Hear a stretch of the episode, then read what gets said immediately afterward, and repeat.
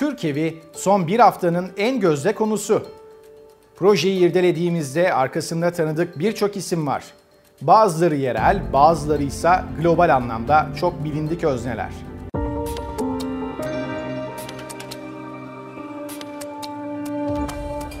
Oda TV'ye hoş geldiniz. Ben Çağrı Develioğlu. Bugün 3. gözde New York City'de kullanıma açılan Türk ile ilgili muhtemelen bilmediğiniz bazı detaylara bakacağız. Bu detayların en dikkat çekici olanlarından biri mimarlık ofisi. Gururluyuz çünkü bu eserle New York'un silüetine tarihi ve geleneksel mimarimizin güzelliklerini ve zarafetini yansıtıyoruz. Dünyanın en bilinen şirketlerinden Perkins Eastman tarafından 2016 yılında büyük bir konkur sonrasında tasarlanmaya başlanan bina Birleşmiş Milletler'in hemen karşısında yer alıyor.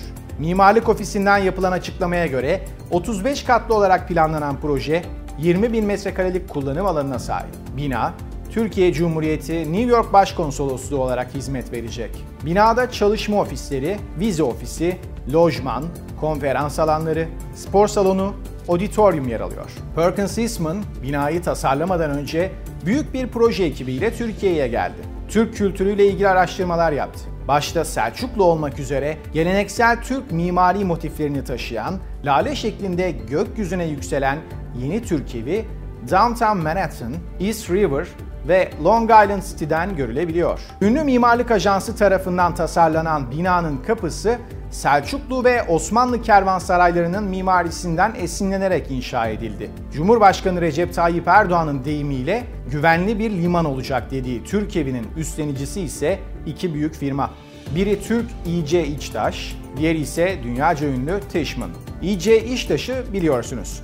İbrahim Çeçen'in firması Yap işlet devret modeliyle yapılan Zafer Havalimanı'nı işletiyor. İC İçtaş'a garanti edilen yolcu sayısına ulaşılmadığı için 8 yılda tam 46 milyon euro ödendi. Türkiye binasının da sahibi olan şirkete garanti edilen yolcu sayısına ulaşılamaması nedeniyle toplam ödenecek tutarın 205 milyon euroya çıkması bekleniyor.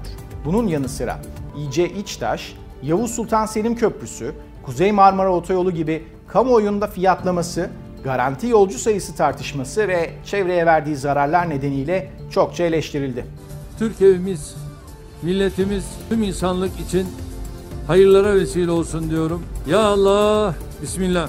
Dışişleri Bakanlığı'nın verilerinden elde ettiğimiz bilgiye göre New York'taki Türk Evi binasının maliyeti 291 milyon 260 bin 400 dolar.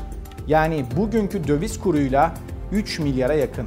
Yaklaşık 20 bin metrekare alana sahip yeni Türk Evi binası bugüne kadar Türkiye Devleti'nin yurt dışında yaptığı en büyük gayrimenkul yatırımlarından biri olma özelliğini taşıyor. Şehrin emlak endeksine göre binanın şu anki meblağı 1,5 milyar doları bulmuş görünüyor.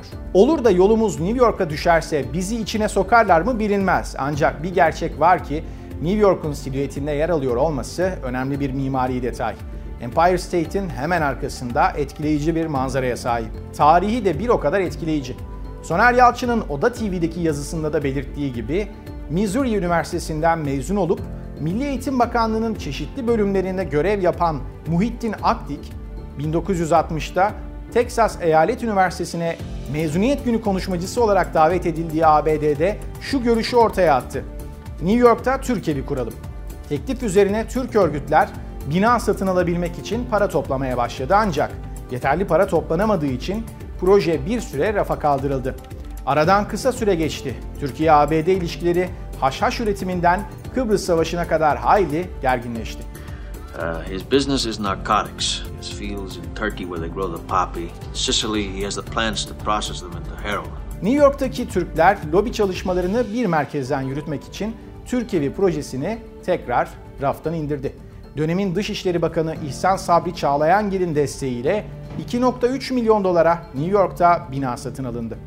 Bina 1958'de inşa edilen 12 katlı ve 45 metre yüksekliğindeki bilişim teknolojisi IBM'in idari merkeziydi.